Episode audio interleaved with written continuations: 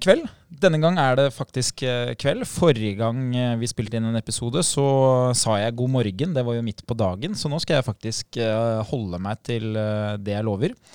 Vi har jo ganske god stemning her, fordi i dag så er vi tre ja, Tres amigos i dag òg. vi er tre godt kjente personlige trenere som har tilbrakt mye tid på samme treningssenter, og det skaper jo ofte ganske god dynamikk. Sindre, du er også med som eh, fast inventar. Har du blitt eh, smidigere?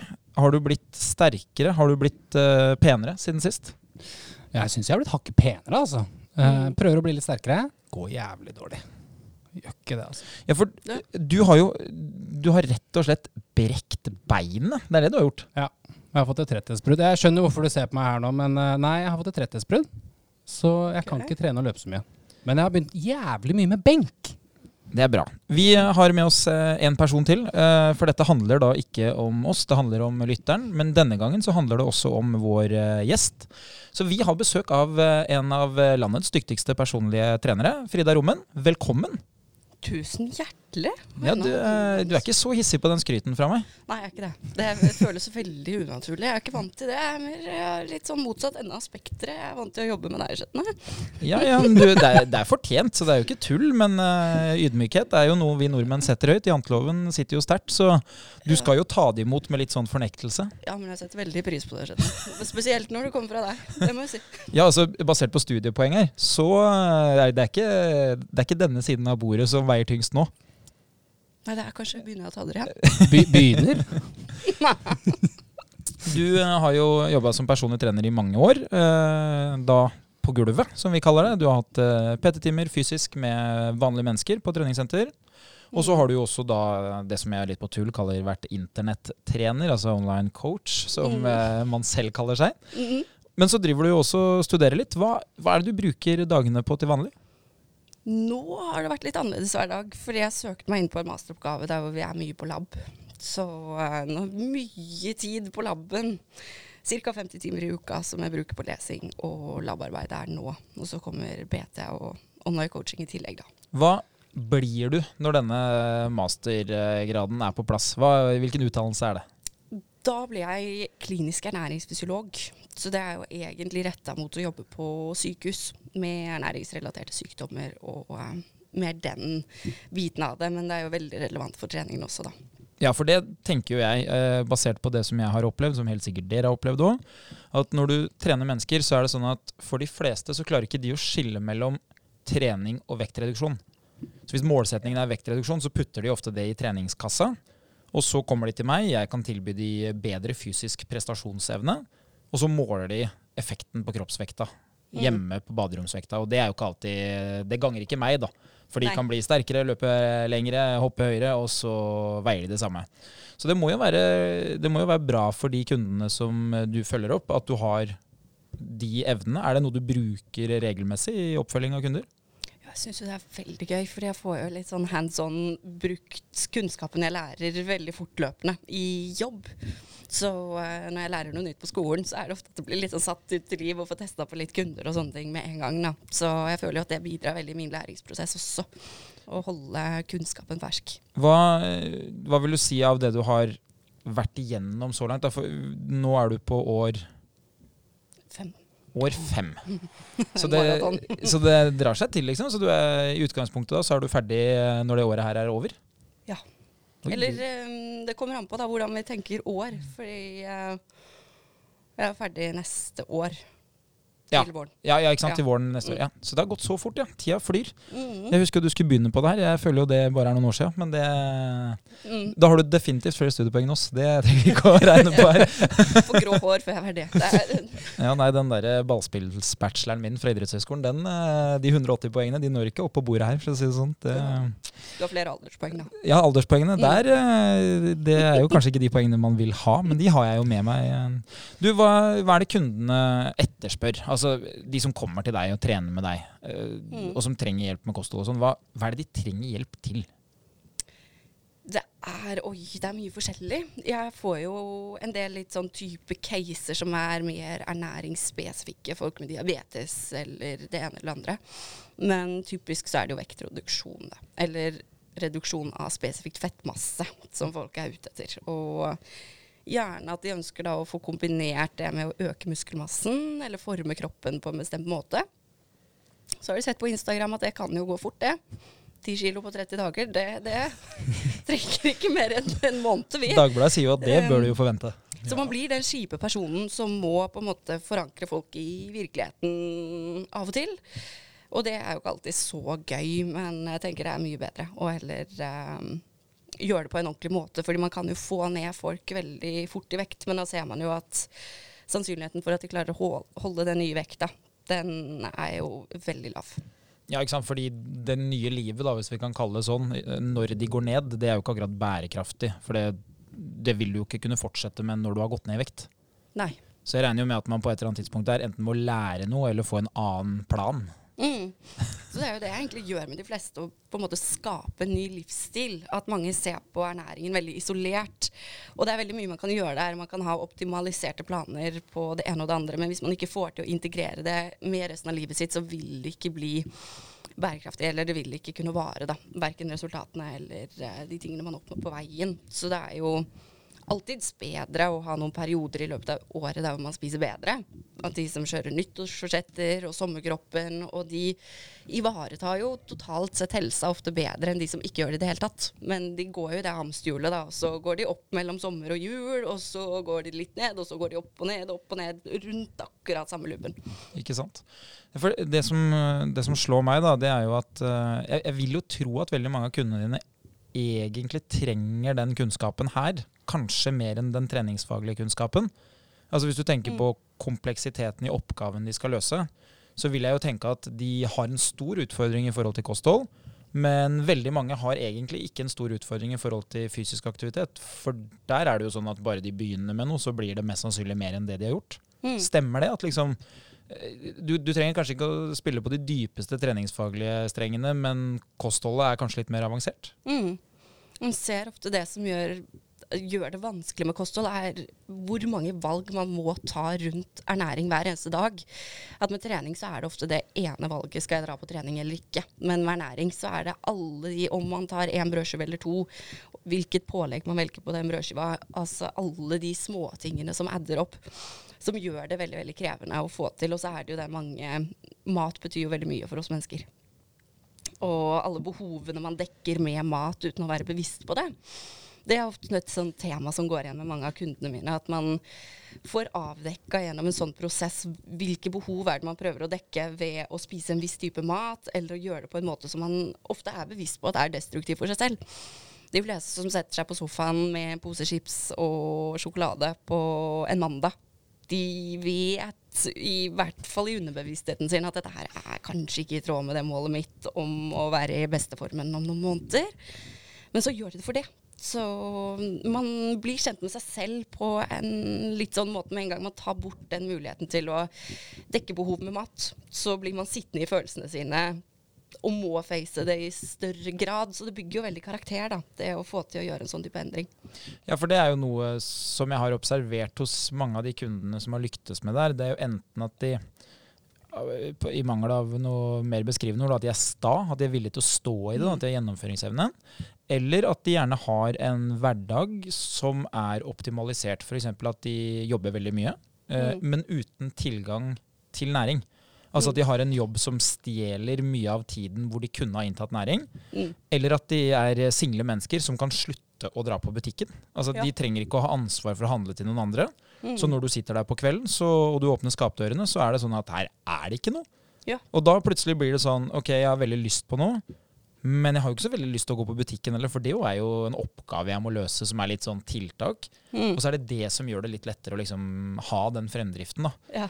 Når, du, når du skal det avdekke liksom de andre behovene, hva, eh, en, en, tanke jeg har da, det er de fleste mangler jo ikke kunnskap om at det er smart å gjøre det ene eller det andre. Det er jo litt at de, de sliter med å gjennomføre det de vet er smart. Hvordan, hva, hva, gjør man i en sånn prosess? Lager man en matplan, eller hva, hva er liksom steg én hvis jeg hadde kommet til deg og trengt hjelp? Jeg er veldig glad i å bruke makroer. Så uh, på den måten, siden det er jo ofte at jeg har ikke den at jeg har veldig korte prosjekter med folk, rett og slett fordi jeg ikke har troa på det. Så når man skal få til en på en måte varig endring over tid, så innebærer jo det ofte at man øker kunnskapsnivået. Og hvis jeg gir en kunde en matplan, og så følger de den punkt for punkt, så ja, da klarer de det. De lærer seg å løse den oppgaven og følge den planen, men de lærer egentlig ikke noe mer om hvilke næringsstoffer har kroppen min behov for, hvordan har jeg det når jeg får i meg for lite av den, og bli rett og slett mer fintuna på å tolke kroppens signaler og, og forstå mer både hva næringsinnhold i mat er. Disse matvarene kan jeg spise mer av enn disse matvarene hvis jeg skal ha så og så mye kalorier. At man får rett og slett lært mer, da. Siden det er ofte der det ligger også, at man ikke helt skjønner hvordan alt henger sammen. Så ser man at ok, hvis jeg spiser eh, sjokolade, så går jeg opp to kilo til dagen etter. Og hvis kjæresten min gjør det, så eh, er det ingen forskjell. At folk har liksom sånne ting de har bestemt seg for at dette er en sannhet, og så har de ikke egentlig testa ut den sannheten for å se at er dette faktisk reelt. Så da får man tatt bort mye av sånn de sperrene folk har for ting som kanskje ikke stemmer nødvendigvis. Opplever du òg det, Sindre, at uh, folk har med seg kanskje noen sånne egne tanker som de jeg tror jo kanskje de hadde svart annerledes på det hvis vi hadde liksom bedt de om å skrive det ned. Altså, tror mm. du virkelig på det her? Så hadde de nok kanskje vegra seg for å ha stått for det, men opplever du det ofte? Ja, absolutt. Jeg ser jo det at man skaper seg jo veldig mange sannheter. Uh, og på den veien hvor at min kropp er bygd sånn. Kjenner mm. du deg i det, Frida? Ja. Altså, hva er det de sier? Tung beinbygning. Det er jo veldig mange som har det. I min ja. familie så er det veldig normalt, skjønner du. Mm. Så hos meg så er det nemlig sånn hele tiden. Alle har det. Skjelettet er jo Nå skal ikke jeg ta det på strak arm her, men det utgjør jo en ganske liten andel av kroppsmassen din. Så, ja, så differansen mm. i uh, tung og lett beinbygning vil jo Hvis jeg ikke husker feil, det begynner jo som sagt å bli en del år siden jeg satt på skolebenken, men jeg tror liksom det største forskjellen man kan se, er et par kilo forskjell, vil jeg anta. Uh, si at uh, kroppen Si at det er 20 kilo skjelettet veier. Jeg husker ikke helt, det er en prosentandel av kroppsvekta di som er normalt å ha som skjelett. Mm. Og så er differansen innad da mellom skjelettene basert på tettheten i beinbygninga. Da. Og da jeg tror ikke det blir så mye mer enn 3-4 kilo, hvis ikke jeg husker feil. Det er jo noe jeg kan uh, sjekke, selvfølgelig. Det er, jo, det er sånne ting jeg liker å gå rundt og huske på. Men akkurat mm. det her er jeg litt uh, usikker. Men uh, det viser jo bare at tung beinbygning, det Det er en myte. Ja, det beskriver ikke 30 kilo, liksom, hvis det er det som er utfordringa. Så det er jo det er jo sånn klassisk greie, da. Men det som jeg møter på litt, da, er jo at jeg føler av og til at man fortjener det. Altså, det er ikke sikkert at det er fortjent, mm. men jeg får en sånn følelse av at de jeg prater med, de, de har lagd seg, kall det en del unntak, da, som ikke de trenger å følge, men mm. som de er bevisst at hvis du skulle gi tipsene til noen andre, så måtte de ha fulgt de. Altså, hvis jeg skal skrive ned mine tips til deg, mm. så hadde det vært disse. Men for meg så gjelder jo ikke alle de. Mm. Opplever du det? At, at, man har med seg en sånn, kall det en unntaksliste da, over ting som er litt sånn ja. Det er jo den typiske at det må da være lov å kose seg, og nå er det bursdag, og nå er det lørdag, og nå er det dåp, og nå er det det ene og det andre og det tredje. Det er alltid liksom en årsak da, til at det skal være OK. Og ja, men det er jo helt vanlig å drikke alkohol. Det må da gå an å drikke alkohol. Og ja, alle de tingene går an. Jeg har flere kunder som drikker vin flere ganger i uken, men da må man gjøre en avklaring på det. at er man villig til å ha litt mer brems... Eller ikke like aggressiv fremdrift, men kunne unne seg litt på veien og ha litt sånn og ha litt sånn. Det er jo en sånn avklaringsting eh, man må gjøre. Og de fleste er jo ikke da villige til å ja, bruke en måned ekstra på å nå det målet for å kunne drikke et glass vin ekstra i uken. Men de tenker ofte oppi hodet sitt at det her har jeg jo faktisk rett på. Nå har jeg vært flink. Ja, fordi de Uh, unntakene de gjør, er egentlig faktisk like store eller større enn gevinsten du skaper gjennom planen du har lagd. Mm. Så det blir sånn at hvis du unner deg si et glass vin én gang i uka eller to ganger i uka, så er det kanskje det som er liksom Det er det som har vært underskuddet du har skapt. Da. Så da går du i null eller i pluss. Da. Så da har du egentlig ja, ja, du mm. kan jo, Hvis du trener i samme periode, så blir det jo bedre fysisk form, men det er jo ikke sikkert at kroppsvekta, som ofte er et enkelt mål å følge med på, endrer seg. Da. Mm. Og det er den kroppen er jo ikke, den har jo ikke lyst til å gå ned. Med mindre det er nødvendig at den går ned, fordi at det er eh, kaloribegrensning. Og den er veldig flink til å få oss opp i null. Det er jo en fordel. Altså, det er jo ikke Man kan jo Ja, strengt talt. Det er jo bra at kroppen eh, legger på seg. Det hadde jo vært veldig synd hvis kroppen hadde en interesse av å bruke opp alle kaloriene. Da hadde det jo blitt eh, stressende å sørge for å få inn næring hele tida, da. Eh, som hadde vært det motsatte her, liksom. Ja, og det er jo litt sånn evolusjonsmessig så har det jo vært veldig stor risiko for å dø hvis man ikke fikk nok mat. Så det er veldig mange gode innarbeida mekanismer i kroppen vår for å hindre at vi taper vekt. Men den andre veien så er det ikke så mange. Det er ikke noe sånn at kroppen har noen mekanismer som inntrer for å hindre vektøkning på samme måte. Så eh, biologien vår jobber litt mot oss med tilgangen vi har på mat. nå. Ja, for det er jo sånne ting som eh, det, det er jo gamle studier da, som jeg husker å ha lest, og det er jo at inntaket av kalorier, altså ikke hvordan kaloriene inntas, men mengden kalorier vi inntar, er ikke så vanvittig mye høyere i dag enn det det var for en del år tilbake. Altså si 50-100 år, da, for å lage perspektivet litt mindre. Mm. Men forbruket, altså hva vi driver med, har jo endra seg radikalt. Fra at uh, flertallet av mennesker hadde fysisk aktiv jobb, til at i dag så kan du nesten klare deg gjennom en arbeidsdag uten å by på noe særlig bruk av kalorier. da. Jeg vet ikke, hva, Du er jo eh, mye nyere i studiesammenheng enn meg. Jeg vet ikke, hva, hva, Mm. hva tenker man om sånne ting i dag? Liksom, man ønsker jo ofte å rette en pekefinger og finne det skyldige. liksom. Hva, står Mm. øverst på skyldige-lista over eh, overvekt blant folk? Det er jo litt sånn tilbud-etterspørsel, da, og folk er villige til å betale for å slippe å ha det kjipt. Og da blir det jo at folk finner lure løsninger for å ha et mer behagelig liv, for å slippe å Alt som innebærer eh, kaloriforbruk, er ofte en viss form for fysisk ubehag involvert i. Så når man da tar bort alt det, så blir det jo at OK, man har ikke det ubehaget fra fysisk aktivitet, men konsekvensen er jo at man får et annet form for ubehag, da. Når man først skal være fysisk aktiv, så må man kanskje drasse med seg 50 kilo ekstra vekt. Så det blir jo den der at det løser et kortsiktig man, det, det blir jo litt sånn at man flytter litt på hvor er det man vil ha problemet hen. Så um, jeg tror det ligger litt mer der at samfunnet vi lever i, så krever det veldig mye av individene å faktisk få til. Det krever at man tar aktive valg for å være aktiv. Det er ikke sånn at man får det naturlig implementert i hverdagen hvis man bare flyter med. Nei, og Morgendagens problem er jo alltid mindre enn dagens problem. Altså, De er Mm. ikke oppe i dagen, som det heter. Det er jo, det er jo derfor det er lettere å ta dårlige avgjørelser i dag eh, enn å ta gode avgjørelser i dag fordi det skal bli bra på lang sikt. Det, så enkelt er det jo. Du, Vi skal eh, innom noe ganske spennende i denne episoden her, som vi vet at har vært eh, etterspurt av veldig mange. Vi skal se litt på sånn, eh, kall det type tilskudd. da. Kostholdstilskudd, eller eh, liksom litt sånn kosthold rundt eh, trening når vi først eh, har det her. Så heng med etter denne lyden.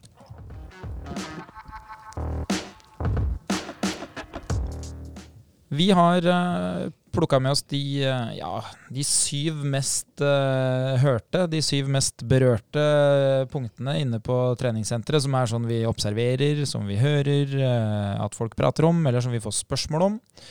Så vi har tenkt å liksom eh, se litt på om de trengs, eh, og litt sånn fornuft, eh, ufornuft.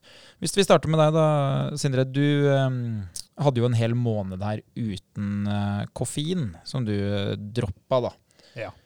Det å drive med sånn derre jeg jeg syns man kan høre i stemmen min her nå at jeg er ganske negativt innstilt til det der. Men det er egentlig ikke meninga, altså.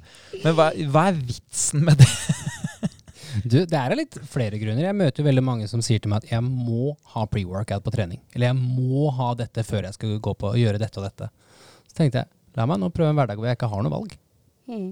Jeg setter nå, jeg setter opp en mur blant alt det jeg må ha for å kunne prestere i hverdagen, og se hvordan hverdagen egentlig blir. Så finner man jo fort ut at eh, det er mye som ligger mellom øra. Det er ikke så vanskelig egentlig.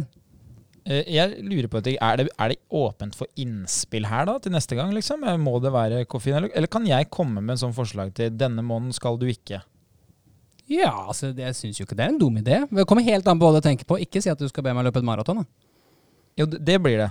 Eh, oppsummert. Men det jeg egentlig tenkte på, var jo at jeg hadde lyst til å, å se på om du kunne en hel måned komme deg til og fra jobb uten bil de dagene du skal på kontoret. Altså uten noen form for bil eller kollektiv. Ikke elektrisk sparkesykkel heller? Nei, Jeg tenkte i utgangspunktet at kriteriet her er jo at det skal være eh, kostnadsfritt. da. Men vi trenger ikke gjøre det før til våren. Altså, når jeg vet jo nå at uh, Akkurat nå så burde du ha gått med krykker, men gjør det ikke. Men, uh, men hadde ikke det vært Tenker du er har vært dårlig kollega? Har tretthetsbrudd ja, men tenk, det, det er jo på vegne av uh, beinmassen din, da, ikke sant? Den trenger jo Mm. da litt stimuli. Det er jo lav grad av tetthet her. Nei, for eksempel i juni kunne vi ikke kjørt en sånn Sindre skal til og fra jobb uten eh, kostnader-prosjekt? Har ikke det gått ganske greit så langt å og sette meg på prosjekter? Jeg klarer jo ofte å Jeg kommer ikke til noe annet enn ja, gjør jeg det? Ja, jeg, altså eh, Det som er veldig rart, da Det her er det jo da en del lyttere som vil kjenne seg igjen i, og så er det noen som vil tenke herregud, det skjønner jeg ikke puck av. Det er jo da eh, Før jeg hadde barn, så ville dette vært tåpelig. Nå så tenker jeg oi, det hadde jo vært skikkelig gøy. Det kan jo òg være at da hadde jeg fått ganske mye tid for meg sjøl. Ikke sant? Jeg kan gå til jobb, løpe til jobb, som egentlig er det jeg kunne tenkt meg gjort mer av. Så det, det er jo mulig at det er det jeg romantiserer Det er men, du som skal gå til jobb Ja, det er det jeg tenker òg. ja, men Sindre har, Det som er grunnen til at Sindre må gjøre det, da, ikke sant? det er jo rett og slett av praktiske årsaker. Oh, ja. Én, eh, jeg må innom barnehagen. Og to, eh, det er 19 km til jobb. Og tro meg, hadde det vært 8 km til jobb og uten barnehage, så hadde det vært løping til og fra. For det, er jo, det liker jeg jo. Men derfor så tenker jeg det hadde vært en sånn greie. Men det kan vi ta en annen gang. Men det du sier, da, det er at det å liksom gjøre en sånn ting som ikke innta koffein, da, det er jo en, en test av evnen til å frastå noe som du vanligvis syns at er behagelig, og som er en vane. Ja, egentlig. Det er jo litt sånn Jeg liker jo ditt prinsipp som du ofte utfordrer kundene med, som er litt det der helvetesuka-opplegget hvor ok, nå skal vi begynne å trene. Da skal vi teste å trene hver dag. Og så neste uke skal vi begynne å trene én gang. Så skal vi sakte, men sikkert trappe opp nivået. Og jeg tenker at hvis jeg nå klarer å utfordre meg selv gjennom en hel måned, og skal gjøre akkurat det samme som jeg gjør ellers, hvor jeg ikke får belønna meg Jeg får ikke kommet hjem på sofaen, for jeg slutta også med sjokoladefrida. Så bare sånn. Mm, Det er liksom min guilty pleasure på en mandag. mm. Får ikke lov til det nå. Selv om du har trent. Å ja. Ja. ja. Uke én, det er ganske leit. Mm. Ligger litt i fosterstilling og syns synd på deg selv. Det sier Ja. også de som Ja. da har helvetesuka hos meg. De sier også uke én er, eh, er litt lei. Vi går over til én trening i uka, da er det bedre. Jeg kan jo si det sånn at uh, det fins bare én negativ eh, greie da med den helvetesuka. Det er jo at jeg har ingen kunder. Møter opp på uke én med null inn døra. Ja, ja, nei, det er en seig start, det der. altså. Det har jeg prøvd på noen. Det funker, det. altså. Eh, skal vi rett og slett gå løs på den lista her, da? Ja, kan vi ikke gjøre det? Ja. Så det første vi eh, ser litt på, det nevnte du nettopp, eh, Sindre, det er jo da pre-workout. Der må jeg jo ærlig innrømme å si at pre-workout, det tror jeg at jeg kan telle på én hånd antall ganger jeg har prøvd. Mm. Og det, det er jo veldig enkelt uh, hvorfor det har blitt sånn. Det er jo fordi at det her er jo noe som har kommet ganske nylig. Så, så jeg har jo på en måte hatt en ganske lang i hermetegn, karriere da, med styrkeløft eh, og benkpress uh, uten at det her var Det var ingen som hadde tenkt på det den gangen. Og, og da blir det ofte sånn at det å begynne å fyre opp med noe nytt etter at du trener mindre styrke enn før, da tenker jeg sånn at jeg burde bare ha trent mer først. Mm. Eh, men du Frida, er det noe du bruker sjøl? Jeg gjør det en gang iblant, faktisk. Ja, ja, det er ikke noe, det er ikke noe negativt her, altså, selv om jeg ikke bruker det. Hva, hvilken funksjon har det? Hva, eh, når du tar det, hva er du på jakt etter at skal skje? Intensjonen med å innta pre-workout er typisk å øke prestasjonen. Da. Så det er jo hovedsakelig koffeinen som kanskje bidrar med den effekten. Det er jo ofte det de gjør, at de putter ganske mye koffein i. Sånn at de som bruker det, de kjenner skikkelig effekt. Og de har skikkelig energi. Men eh, når de trener klokka ni, da, så sover de jo ikke etterpå. Og da går jo det utover prestasjonen dagen er på, uavhengig av om de tar pre-workout da også. Så er jo den Hvis man skal bruke den Man ser jo hvis det øker eh, For å bare ta et tall, da. Kanskje man presterer 5% bedre av å ha godt med koffein i systemet når man er på trening. Så én gang, det utgjør lite forskjell. Men hvis man trener seks ganger i uka gjennom et helt år, og øker prestasjonen med 5% per økt, så blir det jo ganske signifikant differanse. Så det er litt sånn Noen er det jo eh, absolutt aktuelt for, men eh, de absolutt fleste klarer seg veldig, veldig fint uten. Ja, så Hvis jeg eh, på en måte forstår uh, greiene her, da, så hovedessensen i eh, pre-workout er jo at det er koffeintilskudd i det. Ja, Som har en- sånn betalanin og sånne ting som gir litt ekstra væsketrykk i muskulaturen, og man føler at det klør litt eh, på huden, og ja, folk liker ofte det der, da. Det sånne Ritualer rundt Så hvis du ikke har tatt det til nå og tenker det er en dårlig idé, så er det det. da. Det er det. Men eh? Så, så det du sier da, er at hvis du trener mye, så vil det jo være en metode for å kunne stadig ta nye steg. Altså Hvis du allerede på en måte makser mange parametere som eh, de klassiske progresjonsparameterne, da du trener ofte, du har høy belastning, du trener lenge, altså Mm. de tingene der, de er på plass, da vil dette være en god metode for å kunne fortsette å dytte det i riktig retning. Hvis du trener Mm. veldig, veldig lite, så ville jeg tenkt at bieffekten av det her kanskje ikke er verdt risikoen. Mm. Og ikke sant, Hvilke bieffekter snakker man om? Og Det er jo ikke sånn at det kommer nå en lang liste med bieffekter. Men en av bieffektene ved å innta koffein Mm. eh, er jo at du blir oppkvikka. Det er jo ikke negativt. Ja, de fleste glemmer det med halveringstida på koffein. At det er ganske lang halveringstid. Så det er jo den hvis man har jeg tror det er seks timer eller noe sånt. ja. Som utgangspunkt i det, så er det jo hvis man da klokka seks tar eh, 200 eh, milligram koffein, så vil man jo ha 100 i blodbanen når det er midnatt. Og da påvirker det søvnkvalitet. Det er jo noen som klarer fint å sove på ganske høye nivåer av koffein i blodbanen, men søvnkvaliteten går ned. Og det vil jo på en måte begrense eller redusere prestasjonen dagen etter mer enn det øker prestasjonen i dag. Ja, så, så restitusjonen blir påvirka av at prestasjonen kan bli forbedra. Så, så hvis du tar det, du presterer en god treningsøkt, men så kan Mm. jo restitusjonen risikere å få seg en knekk fordi du sovner klokka halv tre istedenfor klokka tolv, da, f.eks. Så det er jo det ene. Og det andre som jeg ville tenkt at uh, instinktivt vil være en utfordring, det er at koffein har jo den effekten ved stort inntak at det maskerer smertereseptorene. Mm. Sånn at du, du vil føle mindre på den smerten som du hadde følt mer på uten. Mm. Og det er klart at Hvis du da trener med ganske høy belastning, og du ligger i, i faresonen for å kanskje ha for høy belastning i forhold til hva du tåler, Mm. så vil koffein kunne være med og sørge for at du trener for hardt. Du klarer ikke Ja. å motta de signalene som hadde sagt du i, i dag. Så gjør det såpass vondt på forsida av skuldra at eh, ta det litt rolig med benkpressen her. Mm. Så kjenner du ikke det så godt, så da peiser du på, og så ender du opp med å bli skada isteden. Mm. Det er i hvert fall sånn klassisk koffeinproblem for løpere, blant annet. At på slutten av øktene så, så kjenner man ikke så godt på belastninga som er reell, fordi man får ikke så ubehag av det.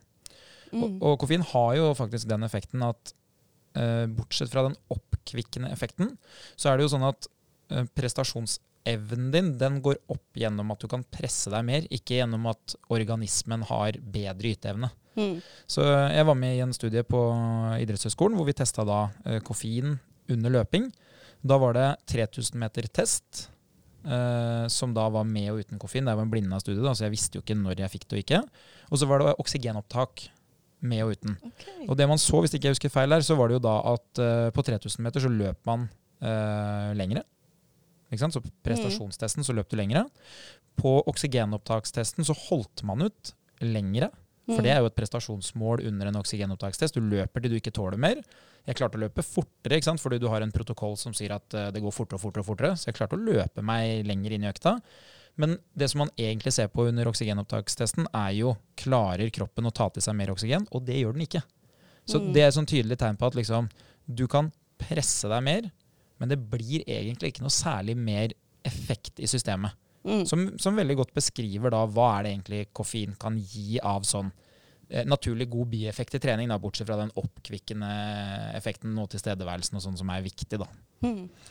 Så det, det ville jeg jo tenkt at liksom, ok, da trener du veldig mye, trener på formiddagen, ja ok, men da kanskje det er en god greie. Hvis du trener klokka halv tolv på kvelden og sliter med å sove, så ville jeg kanskje tenkt at uh, den bensinen som jeg heller på tanken her, den er med å sørge, på, sørge for at jeg sover dårlig. da. Mm. Og der igjen, som du beskrev i stad, selv om jeg har en kompis, si at det er Sindre, da, og han sovner på bussen på vei hjem fra trening, Mm. så trenger ikke det å bety at jeg gjør det.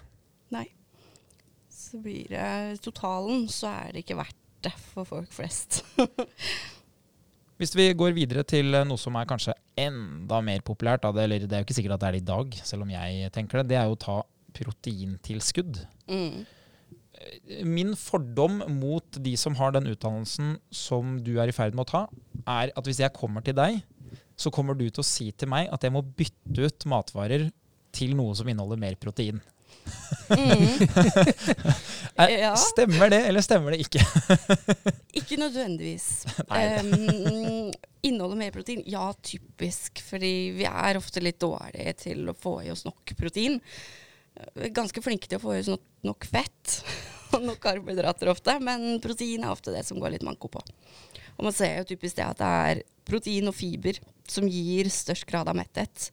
Så det er jo en viss sammenheng med at de som spiser mer protein og fiber, totalt sett får i seg ofte mindre kalorier enn de som spiser mindre protein og fiber.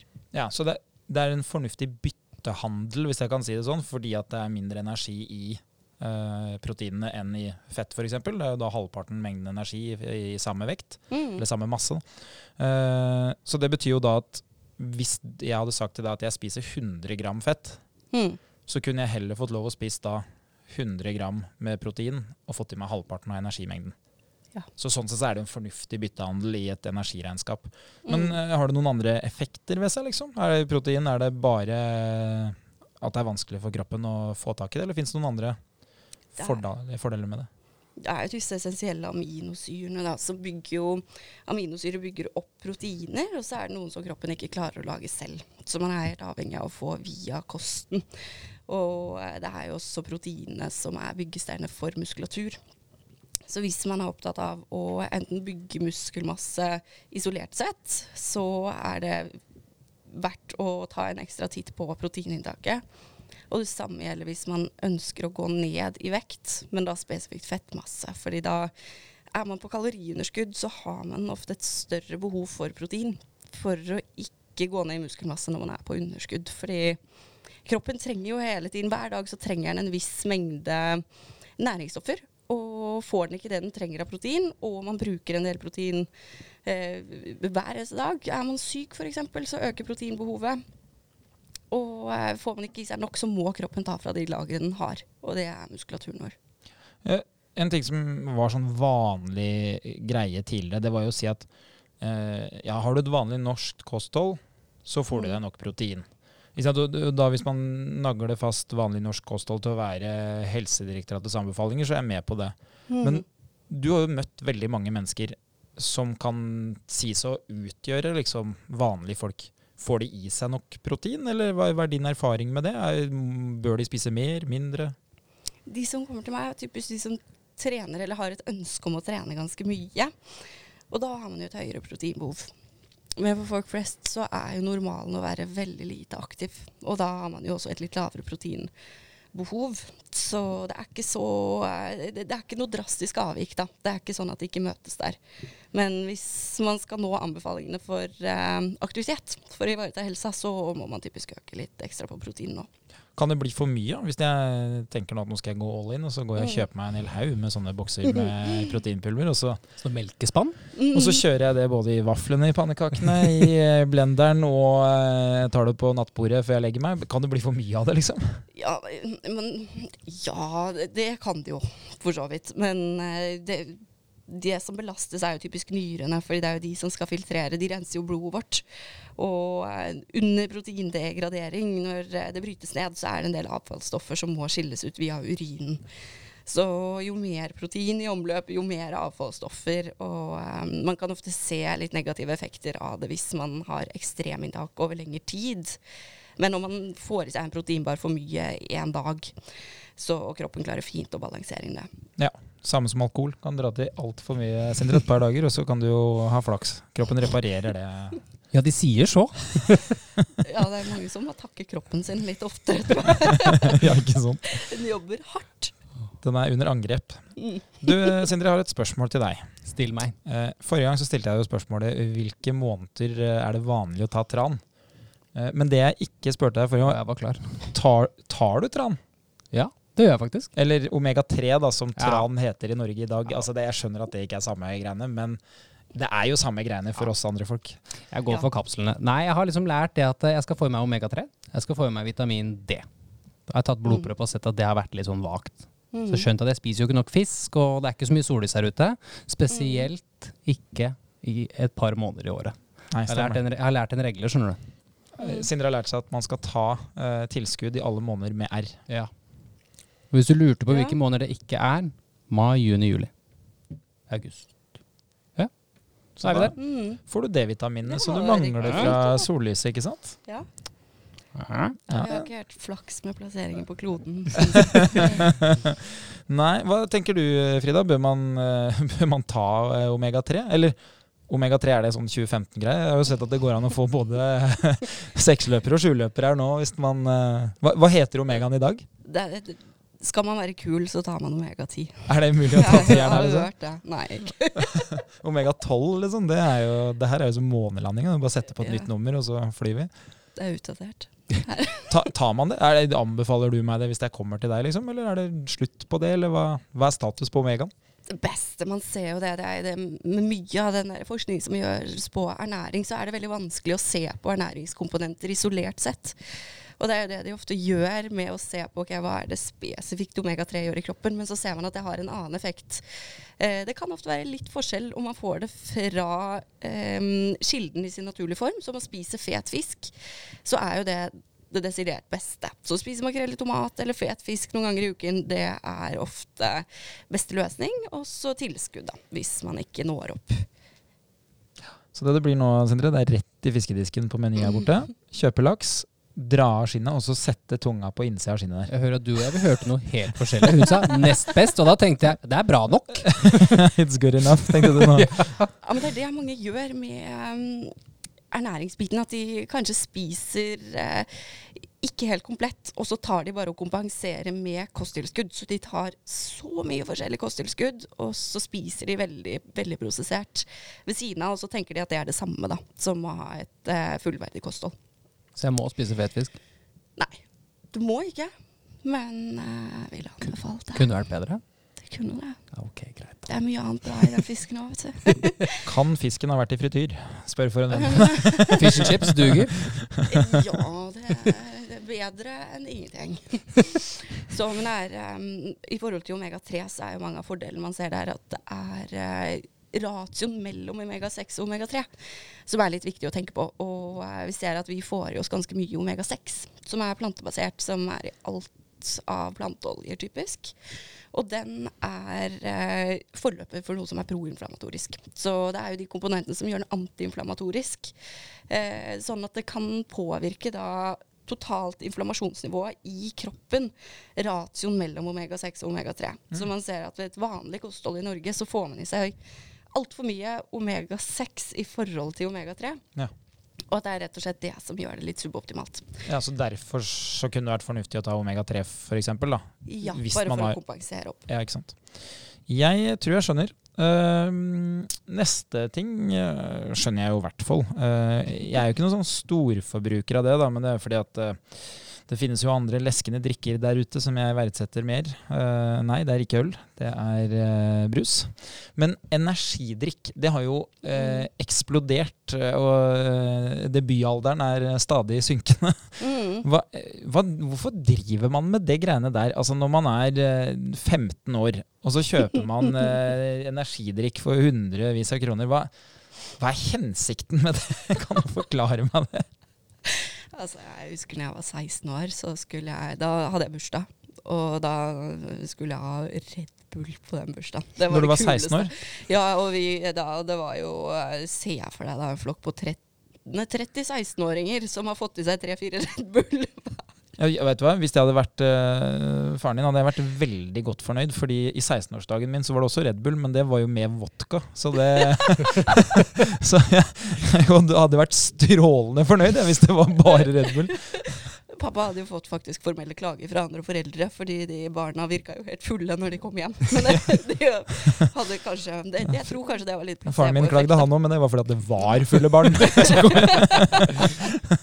ja, nei, det, det er sant. Men hva, hva gjør det for noe? Det er jo Jeg vil jo bare sånn uh, anta her ved første øyekast at det er koffein som er uh, Ja. litt av kilden her. Rett og slett. Så eh, det er når man ikke på en måte Litt som å drikke vin, da. At man får alkoholeffekten ved at man får i seg Sånn som man drakk vin første gang, det var jo ikke godt.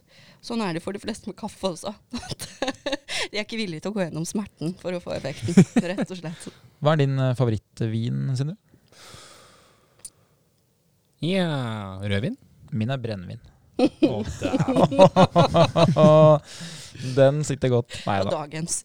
Dagens, dagens pappahumor, det der. Mm. Uh, vi går videre til neste, ve- og det er jo også noe vi har vært innom her, da. Men det har jo blitt ganske populært å ta sånn vitamintilskudd. Eh, veldig ofte føler jeg jo at eh, fra den ene siden, altså fra den kommersielle sida, Mm. så fortelles man hvor viktig det er, liksom. Det, er- det er så utrolig viktig å få det i seg. Mens på Mm. andre sida så observerer jeg jo at de fleste gjør det jo ikke. Og de ligger jo ikke strødd på gata, liksom. Folk stryker jo ikke med på, Mm. på eh, dagtid her, liksom. Så hvor, hvor viktig er det å ta vitamintilskudd for de som eh, da ikke på en måte vet eller har påvist eh, at de har for lite av eh, en viss type vitamin? Da.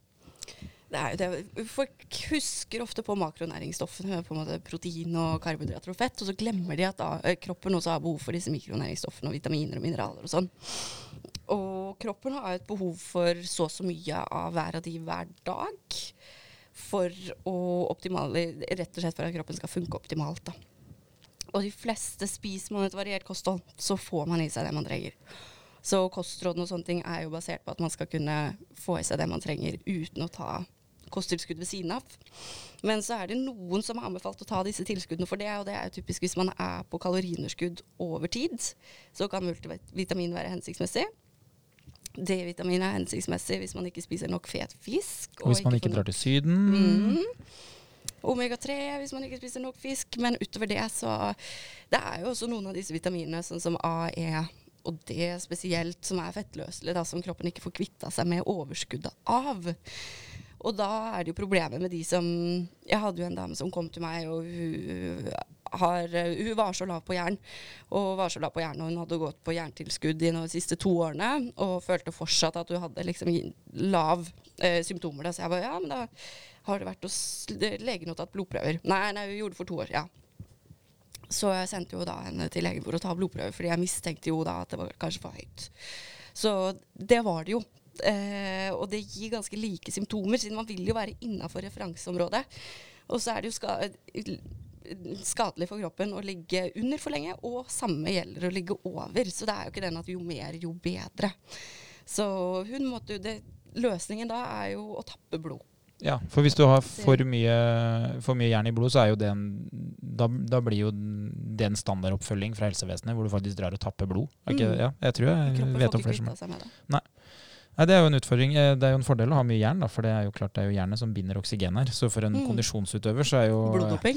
det er jo bare en fordel det å få på litt ekstra hjerne, litt ekstra blod òg, hvis man kan få litt mer på tanken. Eh, ikke veldig gunstig for blodtrykket og da hjerter, eh, hjerter faktisk hjerte og blodårene dine, men eh, hva bryr vel eh, folk seg om det, hvis de kan vinne OL-gull? Mhm. Sier det der? Ja, det er seigt det der. Du, eh, nok en quiz, Sindre. Vet du hva sykdommen heter som du kan utvikle hvis du har for lite C-vitamin? Smil du, dere smiler godt. Nei, jeg gjør ikke det, altså. Hvis Jeg er ikke, hvis jeg ikke husker feil, så tror jeg jo det er en sånn klassisk piratsykdom. Eller sånn Mm. sjø... Altså det heter jo skjørbuk. Det? Ja, jo. Det er jo grunnen til at man Det er en sånn eh, sykdom som de som var på sjøen fikk, var jo fordi at de hadde ikke tilgang til C-vitamin. Mm. Og da, det, er, det er jo sikkert mange andre utfall enn det, men det var jo sånn man mister tenner og negler, og det er vel det som er effekten av for lite C-vitamin over tid. tror jeg. Ja, så vi må se jo at det C-vitamin er hastighetsbegrensende i kollagensyndesen vår. Så det som skjer når vi får for lite vitamin C, er at selv om kroppen får de aminosyrene den trenger, og alt annet den trenger, så får den ikke laget eh, kollagen, som er da bindevev. Så da blir det jo at bindevevet brytes ned Ja, fy over fader. tid. Eh, Skjørbuk der, altså. Rett og slett. Jævla glad jeg ikke er noen sjørøver. Oh. Så da, Mm. Det er liksom ikke bare å ta med seg en liten sitrus uh, på baklomma heller, ikke sant? for den varer jo ikke veldig langt ut fra havna. Ja, men jeg tror det var Jeg, jeg synes så, Ikke quote meg på dette her, men jeg syns jeg så i avisa for noen år siden en som hadde levd på eh, Grandiosa. Og grunnen til at han hadde overlevd, eller om han døde fordi han hadde tatt av paprikaen, eller hva det var. Men det var liksom i hvert fall det der at paprikaen var kilden til vitamin C, eneste kilden. Ja, ja, men Så det, enten at det var derfor han overlevde, eller derfor han det døde. er sånn da. det, det, det er ikke sikkert at det er det beste, men det funka.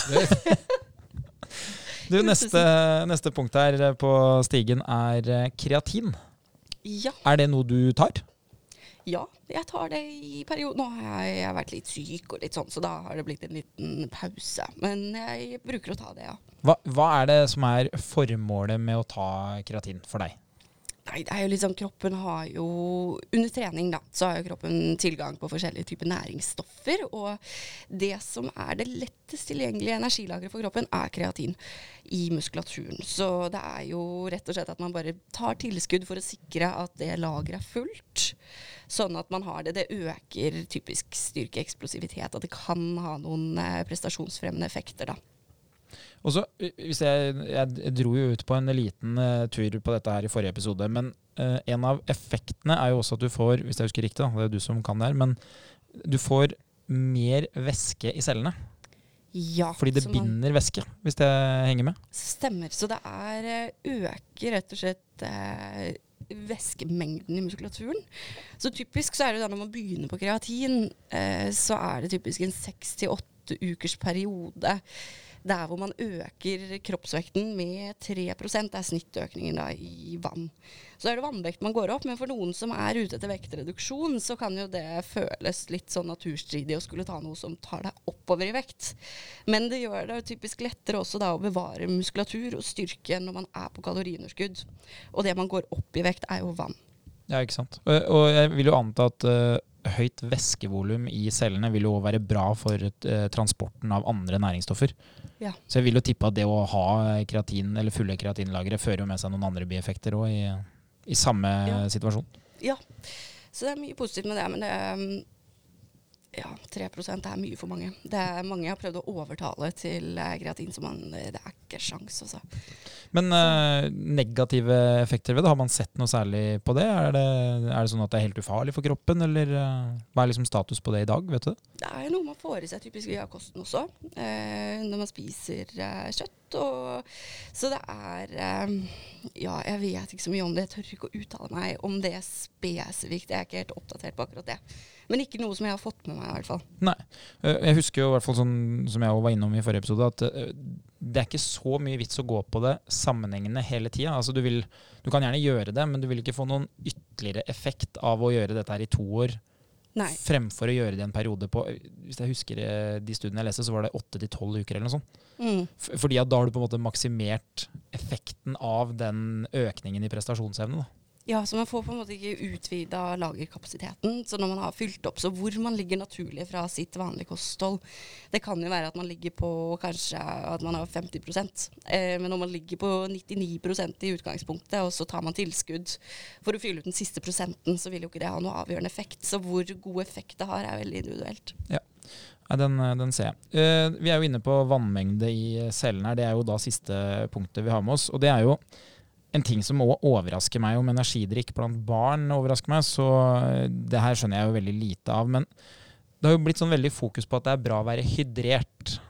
Mm. Eh, og fra en som eh, er veldig dårlig til å holde seg, mm. altså ref må på do hvis man drikker mye, så er jo det å være hydrert, eh, og i hvert fall øh, ha for mye væske, da det er jo veldig lite gunstig, for da må jeg jo hele tida finne en do. Mm. Eh, men jeg møter jo av og til folk på treningssenteret som bærer rundt på sånne drikkeflasker som er liksom fire liter. Altså, ja. trenger jeg så mye vann? Ikke du. det er helt sikkert, for det hadde jeg gjort det med kateter da, hvis jeg skal på trening. Så er jo I forhold til væskeinntak så er det jo litt sånn basert på kroppsvekt hvor mye vann man trenger. Men eh, det typiske er jo at man kanskje får i seg litt for lite. Og når man eh, drikker mye kaffe i tillegg, eh, kanskje får i seg alkohol, tar man ekstra tilskudd av C-vitamin. Det er noen ting som har, eh, øker diuresen som gjør at man tisser mer. Og så trenger man da å kompensere da, for den væsken. Men um, de fleste får kanskje Jeg får inntrykk, det er ikke noe jeg har noe uh, tall på, men mitt inntrykk er at damer typisk er ganske dårlige på å drikke vann. Og så har damer hodepine hele tiden. Så da tar de Paracet, og så tar de ikke vann. Og når Paraceten går ut, så tar de heller ikke vann. Så det er mye sånn symptomlindring av noe som kanskje primært er dehydrering. på hvert fall uh, min side, da, med damene. Jeg stoppa på drikker generelt for lite. Så det er det, det er det jeg tar med meg hjem. Drikker for lite. Det skal jeg prøve å si fram neste helg. At uh, er, nå er det du som er hjemme her, for nå skal jeg uh, på fest. Nei da. Men en ting som er veldig greit å ta utgangspunkt i, det er å følge med på fargen på urinen. Så den skal være en lys gul. Hvis den begynner å bikke mot sånn kobber-oransje, så trenger du å drikke en god del vann. Hvis konjakken er lik på vei inn og på vei ut, da har det blitt for lite vann. Så eh, det er egentlig det greieste å følge med på, fordi kroppen regulerer det fortløpende. Så hvis man ser at uh, urinen blir mørk, så trenger man uh, mer væske. Og hvis den er helt klar, så kan man holde litt tilbake på væskeinntaket. Det er jo et meget eh, godt eh, tips. Jeg tror vi skal gi oss mens eh, leken er god. Ja. Har du fått det du trenger, Sindre? Ja, det har jeg absolutt. Jeg har visst hva som er, i hvert fall lært hva som er nest best, og det fortsetter jeg å gjøre. Så det ble ikke noe fisk på meny. Det blei eh, tabletter. Og du skal da begynne med vitaminbjørner og drikke mer vann. Ja, det høres ikke så dumt ut, det. Da har doktoren skrevet ut eh, sin eh, diagnose her. Eh, du, tusen hjertelig takk for at du tok deg turen til å komme hit, eh, Frida. Klart det. Det var kjempehyggelig der. Tusen takk til deg som sitter og lytter på. Jeg håper jo du har fått eh, mye interessant eh, som du kan bruke i din eh, treningshverdag. Og så ønsker vi deg lykke til med treningsøktene inntil neste gang vi høres. På gjenhør.